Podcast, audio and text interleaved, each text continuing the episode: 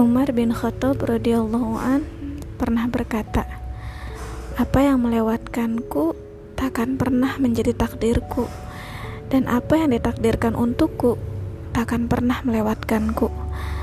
Percayalah, Allah hanya menuliskan skenario indah untuk hambanya. Bukankah film terbaik pun selalu ada cerita sedih, sakit, dan pilu?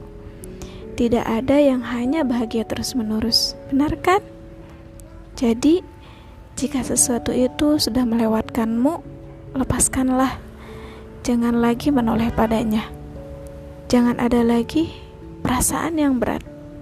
Yuk, semangat! thank you